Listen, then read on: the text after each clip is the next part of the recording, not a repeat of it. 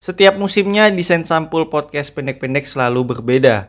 Di musim ketiga, desain sampulnya seperti kertas yang dirobek. Untuk musim keempat, desainnya seperti kertas yang ditempel. Entah itu ditempel di buku, entah itu ditempel di dinding, entah itu ditempel di masker. Tidak mungkin ya. Kemudian untuk judul di musim ketiga saya menggunakan jenis font Roboto dan tulisan podcast pendek-pendeknya saya buat bergelombang.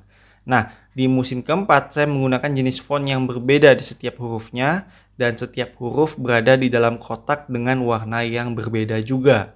Kemudian untuk posisi logo di musim ketiga ada di pojok kanan atas, di musim keempat masih sama ya di pojok kanan atas, tapi di sebelah kanan logo podcast pendek-pendek saya tambahkan tulisan podcast pendek-pendek dengan jenis font Chelsea Market. Ini saya tidak membahas klub sepak bola ya. Untuk tulisan subtitle podcast pendek-pendek di YouTube ya, di musim ketiga saya menggunakan jenis font Roboto, di musim keempat saya menggunakan jenis font Chelsea Market.